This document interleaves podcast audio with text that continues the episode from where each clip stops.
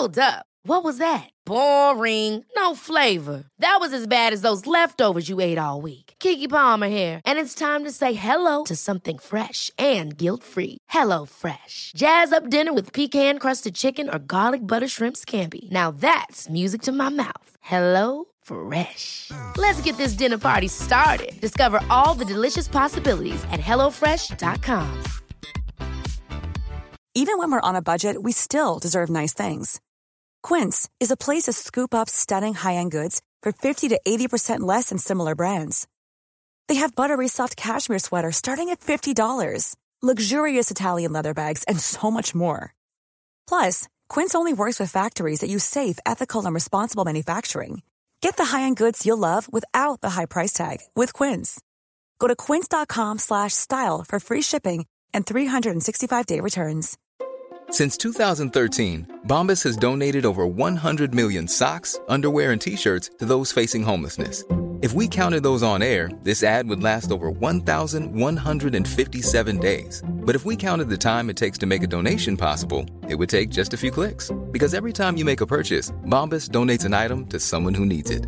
Go to bombas.com slash ACAST and use code ACAST for 20% off your first purchase. That's bombas.com slash ACAST, code ACAST. Ny regering, ny politik och en ny situation för våra plånböcker. Hur valet påverkar vår privatekonomi står på agendan idag och vi kommer också beröra inflationen och ränteläget. Du lyssnar på Smarta Cash, podden som peppar till en bättre ekonomi med mig Isabella Amadi.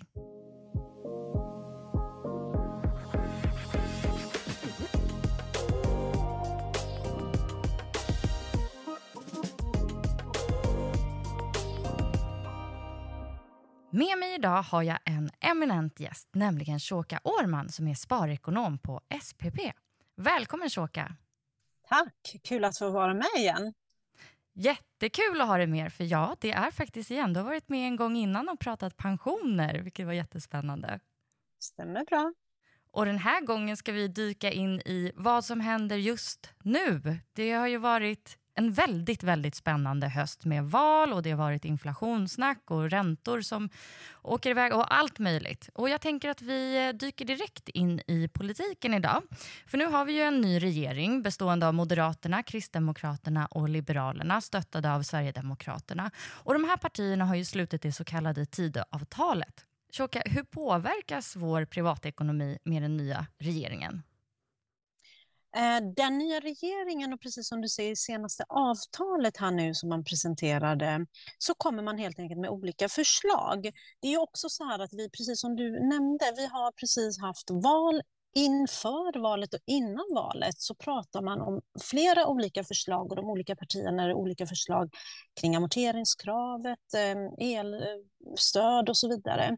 Eh, det som vi har fått presenterat här nu i senaste avtalet och i samband med att man nu egentligen har en ny regering handlar ju väldigt mycket om olika åtgärder.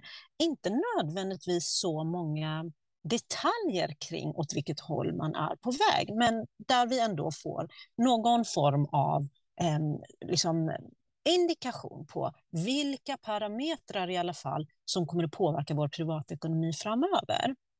Eh, jag tror att för de flesta här och nu i den situation som vi är, där vi har pressade ekonomier i kombination med eh, ja, men ökade livsmedelspriser och energipriser, eh, så är en av de stora frågorna här hur kommer det bli med olika former av kompensationer?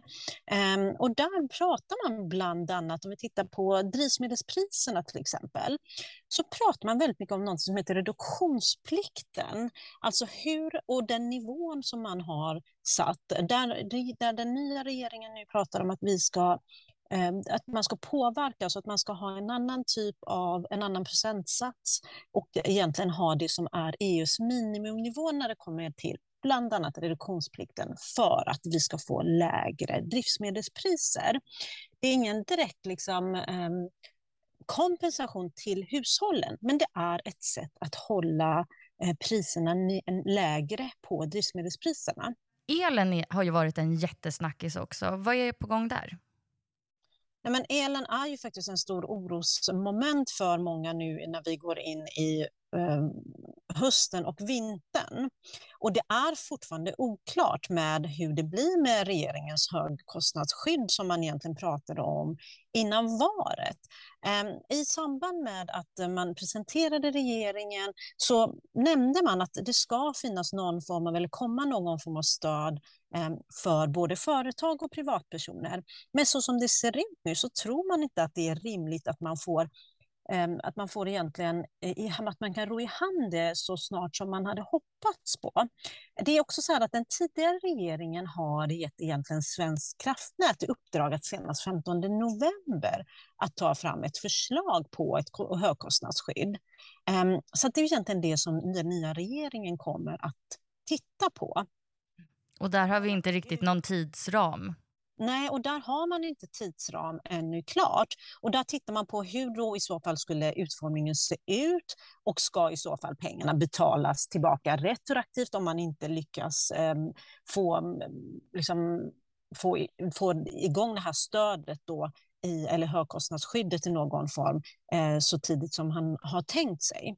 Så det är klart att det här är någonting som många hushåll väntar på, men som sagt där det inte kommer något riktigt besked. Och en av anledningarna som sagt är att man väntar på eh, Kraftnäts egentligen, eh, det uppdrag som de har fått då att komma med de här förslagen. En annan sån eh, eh, viktig valfråga varje år är ju skatten på, eh, på arbete. Hur påverkar skatten på lön och eh, för egenföretagare? Mm. Nej, men den här regeringen, mm, och när man tittade på eh, Ulf Kristerssons tal så pratar man ju inledningsvis om de viktigaste faktorerna som många väntar på här, som också egentligen ehm, fortfarande inte är klart, utan det är så här, man pratar om sänkt skatt på arbetsinkomster, men också sänkt skatt på pensionsinkomster. Så att det här är Ehm, det här ger ju också, om man sänker skatten så är det ju väldigt enkelt. Då får vi, eller så enkelt är det inte, men man skulle kunna uttrycka det väldigt enkelt på det sättet att får vi lägre skatt på våra inkomster så får vi faktiskt också mer pengar i plånboken och kan på det sättet påverka vad vi lägger våra pengar på. Så det är också det som det här handlar om. Vi pratar ju väldigt mycket om det. Du eh, pratade inledningsvis om inflationen. Vi har haft hög inflation under en längre längre tid. En inflation, alltså en prisutveckling och prisökning som har visat sig inte vara så övergående som vi trodde.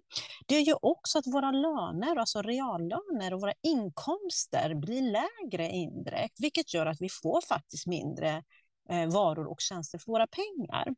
Det som egentligen blir regeringens roll här nu är att inte komma med den typen av stöd och åtgärder som motarbetar det som egentligen Riksbanken försöker åstadkomma genom sina räntehöjningar. Vilket är egentligen att delvis dämpa vår konsumtion för att det är en del i hur man över tid kan få kontroll och få ner inflationen till det som kallas för inflationsmålet runt 2% Så att här har man en balansgång i att de åtgärder och de stöd man Ehm, inom det som kallas liksom för finanspolitiken eh, kommer med ska inte motarbeta det arbete som Riksbanken har och det som syftet har varit via det som är penningpolitiken. Ehm, så där får vi se lite grann vad man landar i och det är klart att desto mer liksom riktade eh, insatser det, det är och desto mer eh, riktade förslag ehm, så minskar risken också för att man spär på inflationen. Mm. Det, är, det är komplext.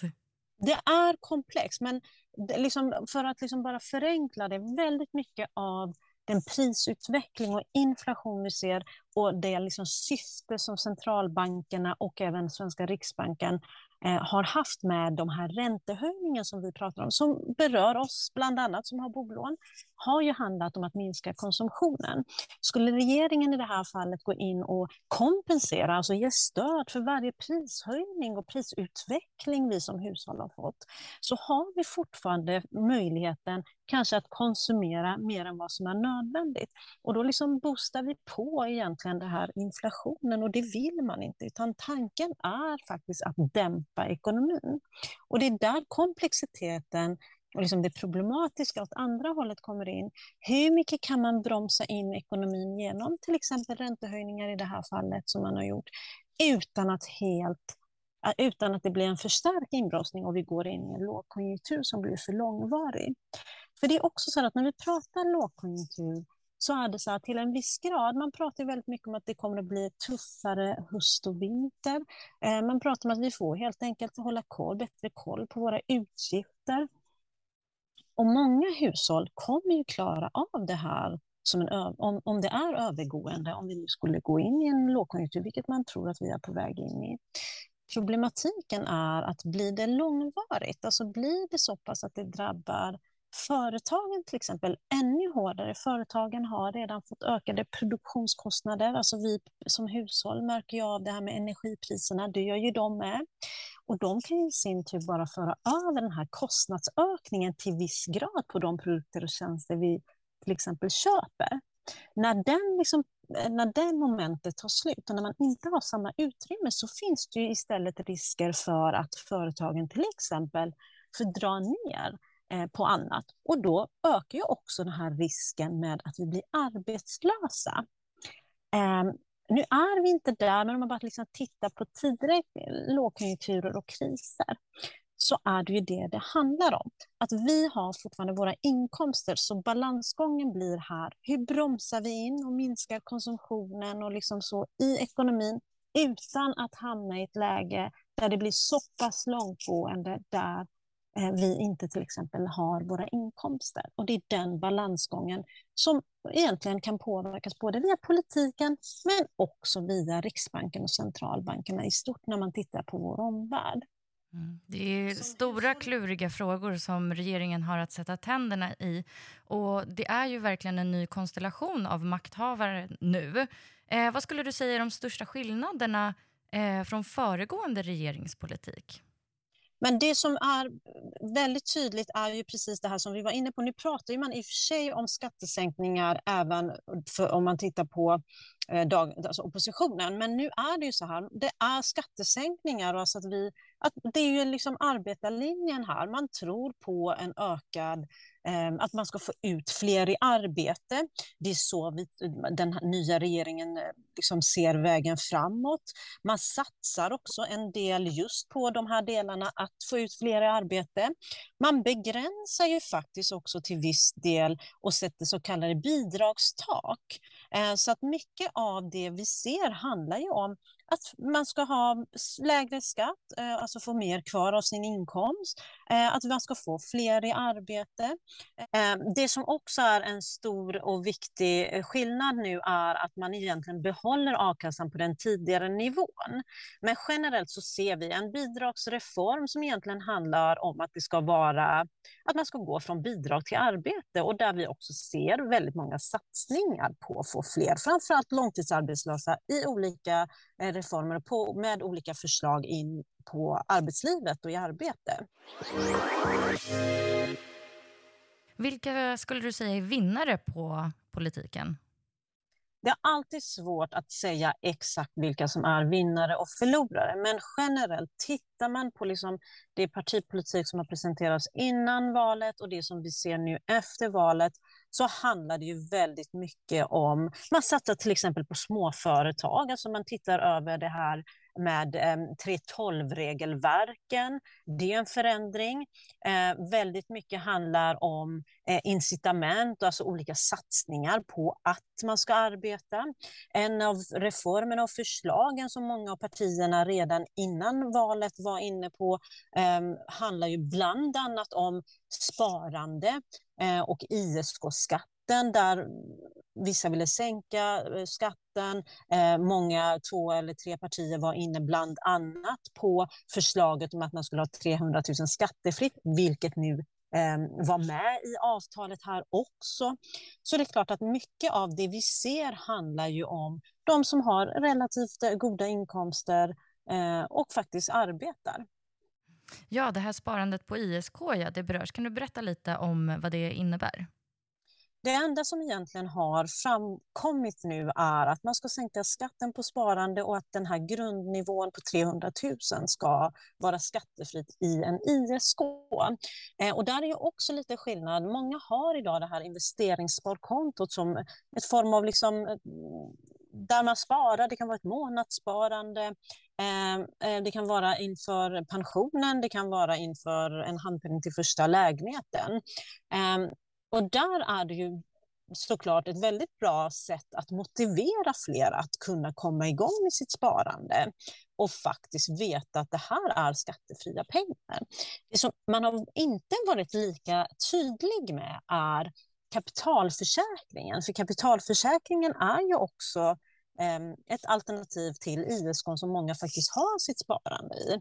Ehm, så där väntar vi faktiskt på besked och se hur kan, vad är det som gör att man inte nämner det och hur kan, kan det skilja sig någonting i utformningen som gör att man inte har eh, föreslagit liknande då reformer och sänkt skatt på eh, kapitalförsäkringen. Vi ser inte just nu att det skulle vara så.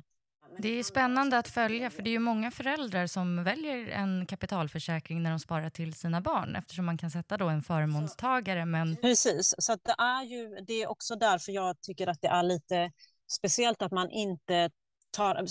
ISK har ju under en lång tid varit liksom någonting som många använder sig av Ehm, men för oss som jobbar i branschen så, så ser vi ju kapitalförsäkringen, precis som du är inne på, dagligen som ehm, det andra alternativet som många sparar är just på grund av att du kan välja förmånstagare på ett helt annat sätt och styra kapitalet och eh, ha kapital eh, som betalas ut eh, löpande på ett helt annat sätt.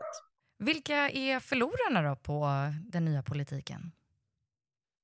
Ehm, nu som sagt har vi ju inte fått ehm, fullständiga detaljer och det kommer vi få inom några veckor här när man presenterar budgeten och det finns fortfarande, det pågår ju fortfarande förhandlingar kring exakta detaljer här. Ehm, men om man tittar på det som har presenterats här och nu och om vi tittar till exempel på bidragstaket, det är klart att det kommer att påverka en viss grupp människor där. Tittar vi på att man faktiskt ehm, pratar om att få fler i arbete och vikten av arbete, så såklart är det ju de som faktiskt ehm, ehm, kommer att gynnas av den politiken framöver.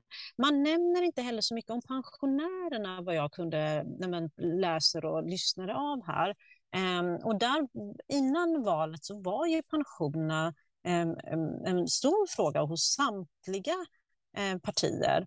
Eh, men just nu, vad jag vet, så har man liksom inte pratat så mycket om pensionärerna heller, förutom den här skattesänkningen, såklart, som kan vara oerhört viktig. Eh, men vi vet ju som sagt inga detaljer. Ja, eh, mycket på gång och inte så mycket klart. Är det några andra spännande beslut som ligger i pipen som man ska hålla utkik efter? Det som skulle kunna påverka många av oss och egentligen som Alltså, flera av de partierna som idag är, eh, har bildat regering eh, var inne på var ju amorteringskravet. Eh, amorteringskravet pratade man ju om i former av antingen att det skulle vara tillfällig uppehåll, precis som man fick under pandemin så fick vi amorteringsfrihet under en viss period, eller hushållen då, eh, för att man, man var rädd för att hushållen inte skulle klara av helt enkelt att amortera på sina krediter. Och, vi är, vi, och idag är ju oron ännu större med tanke också på den räntehöjning många hushåll faktiskt får eh, och, och får ta del av med tanke på högre räntekostnader nu. Eh, det som där är det också så diffus, diffusa besked nu efter valet. Eh, och en av anledningarna till detta är att Finansinspektionen som hade fått i uppdrag att utreda mm, just amorteringskravet, antingen en tillfällig uppehåll eller amorteringskravet som helhet, kom faktiskt med beskedet att man rekommenderar helt enkelt inte att man ska, ha, man ska ta bort amorteringskravet eller att det ska vara några tillfälliga uppehåll för att liksom, någonstans skona eh, hushållen och bolånetagarna från den här ökade räntekostnaden. Eh, eller för att få andra effekter. Så att som det ser ut nu så har man från Ehm, den nya regeringen varit väldigt tyst kring det här. Det man har sagt är att man ska ta hänsyn, att det är också komplext, precis som allt annat du och jag har pratat om. Ehm, det sker väldigt mycket i vår omvärld. Vi är i en unik situation. Mycket handlar om att hitta liksom balanserna framåt och se vilka effekter till exempel de här räntehöjningarna och andra ehm, förslag får innan man fullt ut kan säga någonting. Det som regeringen eh, har sagt nu är att man ska ta hänsyn till den här utredningen som presenterades från Finansinspektionen. Man ska lyssna på vad eh, Riksbanken har sagt och utifrån det får man landa helt enkelt i ett beslut. Så att det kvarstår att se. Kommer vi få tillfälliga lättnader och amorteringsfriheter framöver med tanke på att många som faktiskt bor i hus har både ökade uppvärmningskostnader, man har högre ränta om man inte hade bundit till exempel sina bolån och är pressad från olika håll. Eller kommer man till slut landa i att vi behöver titta över hela amorteringskravet som helhet och göra några förändringar där? Det är ganska oklart fortsatt. Låt oss prata lite om ränteläget. Eh, räntan, styrräntan har ju höjts nu under en period och ligger när vi spelar in det här på 1,75 procent. Så varför har det blivit så här och hur mycket mer kommer den gå upp?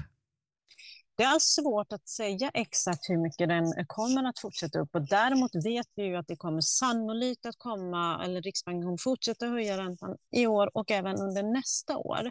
Därefter beror det lite grann på vilken effekt det får på inflationen och hur man lägger liksom eh, ban, räntebanan framöver kommer ju vara väldigt mycket utifrån delvis det som sker i vår omvärld, delvis såklart eh, kronans, eh, alltså kronans eh, värde och utveckling framåt, men också hur man som sagt kan landa i den här balansgången som vi återigen landar i.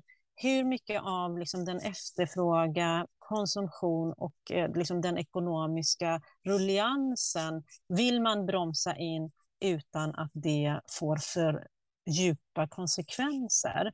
Så som det ser ut nu så tror vi sannolikt att vi kanske börjar närma oss någon form av inflationsstopp under nästa år. Och då är det inte nödvändigtvis så att Riksbanken eh, kanske börjar sänka räntan, utan däremot kanske man får, vi ser lägre höjningar. Jag menar, vi har haft trippelhöjningar, alltså höjningar 0,75 och 1 procent, vilket är ovanligt. Det som vanligtvis brukar eh, göra så att man höjer kanske 0,25. Så att det här visar ju också på att vi, Riksbanken kände att man behövde agera, man behövde agera skarpt, vilket också inte är unikt för oss i Sverige, utan det är ju vad andra centralbanker i vår omvärld också har gjort. Men det är ju faktiskt många som blir påverkade eftersom att bolåneräntan ju hänger med här och det har blivit dyrare för bostadsägare. Alltså hur, hur ska man som bolåntagare tänka och agera i det här läget? Mm. Eh, styrräntan eh, påverkar ju ganska direkt den rörliga bolåneräntan. Så det, det, är liksom, det kan ju vara bra att känna till och det är därför som vi faktiskt har ganska direkt fått känna på de här räntehöjningarna som har varit. Har man bundna lån så påverkas man ju såklart inte förrän räntebindningstiden går ut om man är i en ny förhandlingsläge eller måste välja då om man vill ligga på rörlig ränta igen eller bundna räntor. Jag tänker så här att desto mer kontroll man har, eh, om man sätter sig ner och faktiskt räknar på eh, och ser över sina bolån till exempel, är våra bolån rörliga eller inte? Det är inte alla som har koll på det, även om jag tror att många har fått en större medvetenhet senaste tiden än tidigare. Eh, hur skulle det påverka oss på de delar av lånet som är rörliga?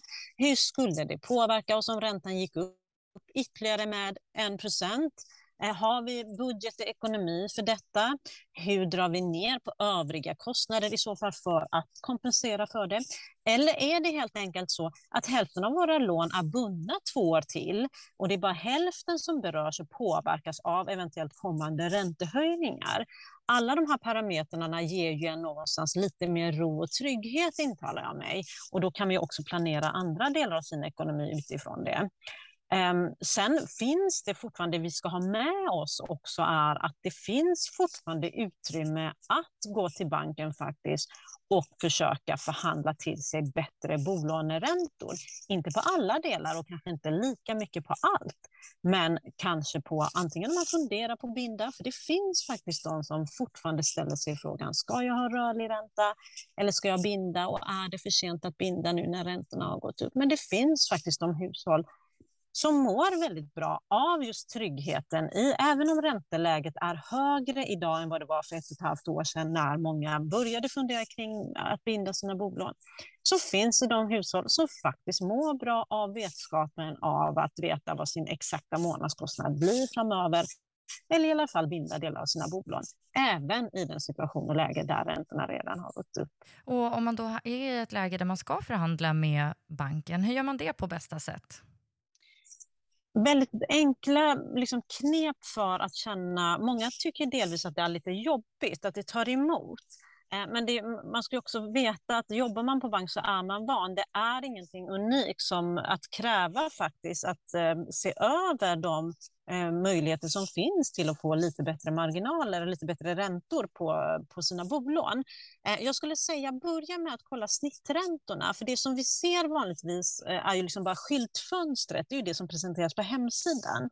Utöver det så kan vi ta fram snitträntorna och se vad, vad betalar andra, hur mycket har andra i rabatter och så finns det liksom ett snitt av detta som man kan i alla fall ha med sig som någon eh, riktmärke. Det är inte säkert att man själv får de nivåerna och, så, och får lika mycket rabatt som grannen har fått och som snittkunden i banken har. Men det kan ju ändå indikera lite grann hur andra ligger till.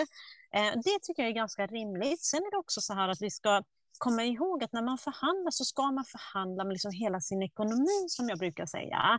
Du, du kan också trycka på vad du har och det är inte bara kundlojaliteten, utan vi har faktiskt våra pensioner hos er. Vi har våra sakförsäkringar, alltså våra bil och husförsäkringar hos er. Eh, vi får båda våra löner in här och har barnsparande. Att man ändå liksom trycker på just när det kommer till helheten kring sin ekonomi. Jag tror att det är en viktig parameter att ha med sig. Sen finns det andra faktorer som påverkar såklart vilka ränterabatter man får, eh, som inte du kan påverka själv som kund. Och det kan ju till exempel handla om belåningsgraden, alltså hur högt belånad du är. Men det är sånt som man kanske inte nödvändigtvis kan påverka själv. Men det finns faktiskt fortfarande utrymme att göra ett försök eh, eller göra en uträkning och se vad skulle det, hur skulle min pris, eh, hur skulle liksom min räntebild se ut om jag band delar av lånet på två år med den här rabatten som du kan erbjuda mig här och nu. Eh, och känns det bekvämt så precis som vi har försäkringar för allt annat så blir det ett sätt att faktiskt försäkra sig och skydda sig mot eventuella ränteuppgångar även om vi tror att det kommer att avta här under nästa år. Mm. Och om man verkligen är där och velar ändå mellan rörlig eller bunden. Du säger liksom att bunden kan ändå ge en viss trygghet för du vet vad du kommer betala. Men vilka är argumenten för rörlig då? Alltså hur ska, hur ska, man, hur ska man egentligen lägga upp det? Vad tjänar man på? Nej, men det är svårt att säga vad man tjänar på. Tidigare har jag jobbat inom banken många, många år och då har det under många år var det ju faktiskt så att man pratar om att över tid så är den rörliga räntan det som är billigast och som du kommer att liksom tjäna på. Vi har ju också haft en period där de bundna lånen, alltså de för två år eller fem år, kunde i princip ligga lägre än den rörliga räntan. Så det, vi har ju sett lite olika skiften. Jag tror att där handlar det extremt mycket om liksom, hur ser vår gemensamma ekonomi ut? Ska någon av oss börja studera eller vara föräldraledig om ett år, då kanske den här tryggheten är viktigare än om man vet att båda är i arbete eh, och har relativt goda marginaler. Det är också det väldigt mycket det handlar om. Hur trygghetssökande man är som person, hur ens ekonomiska situation kommer att se ut framöver, det är klart att har du rörliga bolån så är du mer flexibel än om du binder dina bolån. Ehm, binder du dina bolån och av någon anledning ska separera eller behöver sälja av så kommer det helt plötsligt en komplexitet i det. Det kan vara så att du behöver betala det som kallas för ränteskillnadsersättning till banken och det kan bli ganska stora belopp. Det som många inte pratar om som vi som har jobbat på bank eh, känner till är ju faktiskt också att det finns ju möjligheten faktiskt att flytta med de bundna lånen om man köper eh, nytt boende och nyobjekt. Men det är en individuell prövning och det är lite mer komplext. nej, det är inte omöjligt att ta med sig bundna lån när man köper någonting nytt om det här med ränteskillnadsersättningen skulle vara stor. Men i och med att det inte finns någon garanti eh, så är det någonting som man oftast inte kommunicerar ut utan vi utgår ifrån att har du bundit dina bolån av någon anledning behöver flytta och sälja av ditt boende så kan du hamna i det läget där du behöver betala en räntefinansersättning. Så där är, också, det, där är det också viktigt att kommunicera med banken om man ser att man har bundna lån och börjar hamna i ett läge där man av någon anledning som sagt behöver flytta eller sälja av. Eh, jag tänkte att vi ska börja runda av det här avsnittet nu. Eh, men jag måste också tillbaka till det här med inflationen. För det är ju många som liksom alltså, häpnar över priserna nu både på mat och el och drivmedel och så. Eh, och även om det är svårt att kanske ge en entydig prognos, men hur länge kommer vi fortsätta se prisökningarna? men prisökningen är drivna av flera faktorer. Delar av prisökningen är ju fortfarande liksom en effekt och konsekvens av det som skedde under pandemin. Ehm, alltså problematiken med att få tag på saker, eh, ökade kostnader. Alltså, när vi pratar energi och drivmedelspriser, det ingår ju i princip i allt. Så det är klart att det driver ju också upp produktionskostnader och spiller ju över på oss som konsumenter i slutändan. Eh, så att får man bort, vilket man ändå vill börja se någon form av tecken på, mycket av det som uppstod i, som en konsekvens av nedstängningen under pandemin och problem med som sagt i leverantörskedjorna och så vidare, eh, så bör vi kunna liksom någonstans i alla fall eh, få bort de parametrarna som har bidragit till den prisutveckling som vi har sett.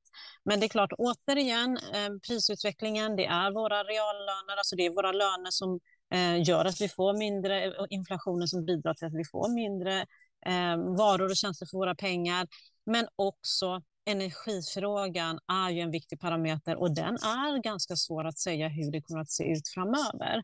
Så att här handlar det ju också om att någonstans själva försöka hitta, för det som är, det som är ju också att vi ser en bred prisökning. Det är inte längre i samma utsträckning som kanske det var i början där man kunde välja bort vissa produkter, utan nu är liksom hela frukostbordet där dyrare.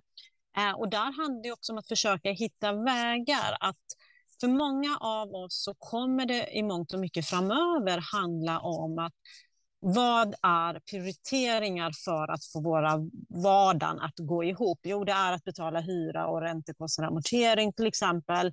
Det är att eh, mat och livsmedelspriserna, precis som det är inne på, är ju ingenting alltså vi måste äta. Det kan man ju inte liksom prioritera bort, utan då blir det andra delar man får börja Ehm, prioritera bort och liksom mer väga behöver vi verkligen det här eller inte? Kan det här vänta för att vi har andra utgifter som, är, som vi behöver i vår vardag för att den ska fungera?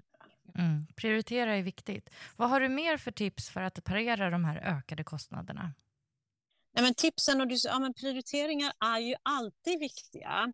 Eh, och Det är också det här som eh, när vi pratar till exempel amorteringskravet.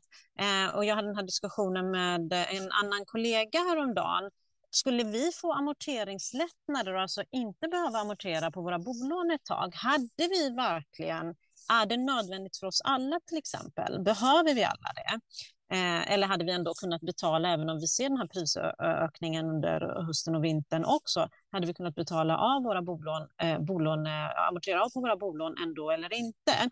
Men också Eh, eller hade vi lagt de pengarna på att konsumera? Så det är också liksom det det handlar om. Att för vissa hushåll så blir den här prioriteringen helt avgörande, för man har inte de stora marginalerna. För vissa av oss så eh, kanske man fortfarande kan klara av den här prisutvecklingen, men där man får dra ner på sin konsumtion. Men vi kanske ändå ska tänka till och dra ner på vår konsumtion och bygga upp en buffert även för de hushåll som inte går på exakta marginalerna. För det som vi har lärt oss nu, Eh, både liksom efter pandemin och nu med den utveckling som vi har nu, är att det är viktigare än någonsin att faktiskt ha ett buffertsparande. Vi har ju pratat om det i alla år, vi ekonomer, och ibland har man liksom känt att gud vad tjatigt, vi pratar om buffert och det är så viktigt. Jag tror att senaste året har det gjort det väldigt tydligt för många hushåll hur viktigt det faktiskt är att ha buffert.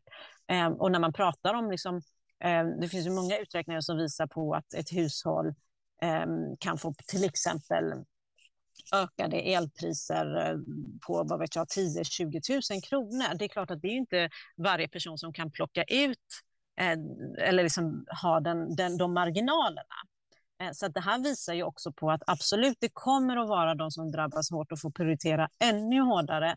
Men de som inte drabbas lika hårt, kanske om man redan inte är liksom, ehm, bra på att buffertspara och spara i övrigt, kanske man behöver liksom någonstans också börja tänka till och komma igång med det. Stort tack för det, Shoka. Det var otroligt givande att ha med dig här i Smarta Cash igen. Tack. Var hittar man dig om man vill eh, följa, läsa mer? Man hittar mig på www.spp.se där jag skriver. Eh, och man hittar mig på sociala medier under mitt namn, Shoka Arman. Kanon. Och den här podden finns ju på Instagram som Smarta Cash Podcast. Du kan alltid skriva till mig där eller mejla mig på smartacashpodcast.gmail.com om du vill till exempel ställa en fråga eller föreslå en gäst. Stort tack till dig som har lyssnat på det här idag. Vi hörs igen nästa vecka. Hej då!